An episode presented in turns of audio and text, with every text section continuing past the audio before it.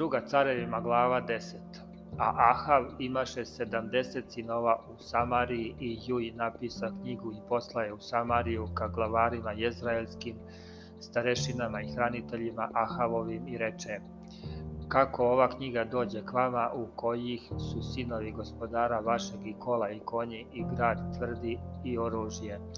Gledajte koji je najbolji i najveštiji između sinova gospodara vašeg, te ga posadite na presto oca njegovog i bijte se za dom gospodara svog.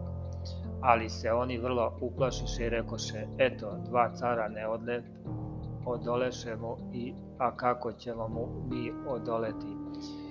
i koji beše nad domom i koji beše nad gradom i starešine i hranitelji postaše juju govoreći mi smo sluge tvoje, činit ćemo sve što nam kažeš, nećemo nikoga postavljati carem, čini šta ti je volja a on im napisa drugu knjigu govoreći, ako ste moji i slušate mene, uzmite glave svih sinova gospodara svog i dođite k meni sutra u ovo doba u Jezrael, a sinovi carevi 70 ljudi behu kod najznatnijih građana koji ih hranjahu.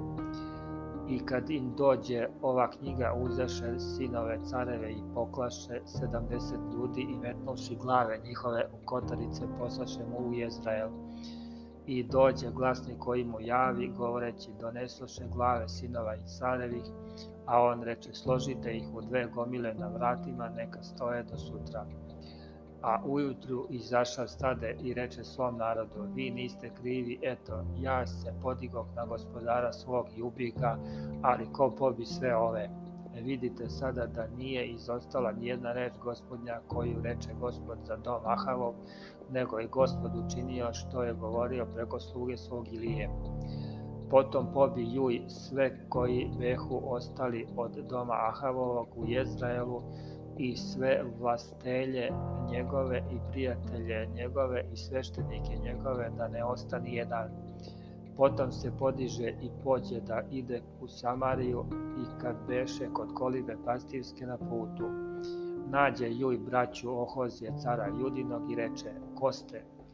Oni rekoše, mi smo braća Ohozijina i idemo da pozdravimo sinove careve i sinove caričine tada reče, pohvatajte ih žive i pohvataše ih žive i poklaše ih na studencu kod kolibe pastirske, njih 40 i ne ostavi jedno od njih.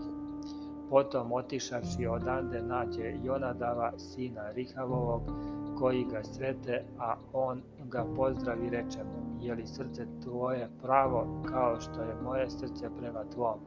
A Jonadav odgovori, jeste, ako jeste, odgovori, juj, daj mi ruku i dade mu ruku, a on ga uze k sebi u kola. I reče, hajde sa mnom i vidi moju revnost za gospoda i odvezaše ga na njegovim kolima. I kad dođe u Samariju, pobi sve što beše ostalo doma Ahavovog u Samariji, dokle ga ne istrebi po reči koju gospod reče ili... Potom sabra i sav narod i reče mu, Ahav je malo služio valu, Juj će mu služiti više. Zato dozovite mi sve proroke valove, sve sluge njegove i sve sveštenike njegove, nijedan da ne izostane, jer veliku žrtvu hoću da prinese valu, ko ne dođe, poginuće, a joj, činjaše tako iz prevare, hoteći pobiti sluge valove. I reče juj, svetkujte svetkovinu valu i oglasiše je. I posla juj po svemu Izraelju, te dođuše sve sluge valove, i ne izosta nijedan da ne dođe i uđoše u kuću Valovu i napuni se kuća Valova od kraja do kraja. Tada reče onome koji beše nad riznicom, iznesi haljine svim slugama Valovim i iznese im haljine. Zatim uđe Juj s Jonadavom, sinom Rihavovim, u kuću Valovu i reče slugama Valovih, promotrite i vidite da nije tu s vama koji sluga gospodnji, nego samo sluge Valove. I tako uđoše da prinesu prinese i žrtve paljenice, a Juj navesti napolje 80 ljudi reče, ako uteče koji od ovih ljudi koje vam dajemo ruke, duša će vaša biti za dušu njegovu A kad se svrši žrtva paljenica, zapovedi juj vojnicima i vojvodama, uđite, pobijte ih da ne izađe ni jedan. I tako ih pobiše oštri mačem i pobacaše ih vojnici i vojvode, potom otidoše u svaki grad gde beše kuća valova. I izbaciše likove iz kuće valove i spališe ih. I izlomiše lik valov i raskopaše kuću valovu i od nje načiniše prohode do današnjeg dana. Tako Juj istrebi vala iz Izraila, ali ne odstupi Juj od grehova Jerovoama, sina Navatovog, kojima navade e, na greh Izraila od zlatnih telaca koji behu u vetilju i u danu.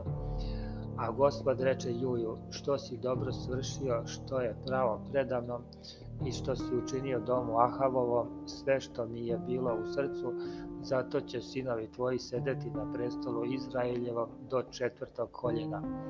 Ali juj ne pažaše da hodi po zakonu gospoda Boga Izraeljevog svim srcem svojim ne odstupi od grehova Jeroboamovih kojima navede na greh Izraelja.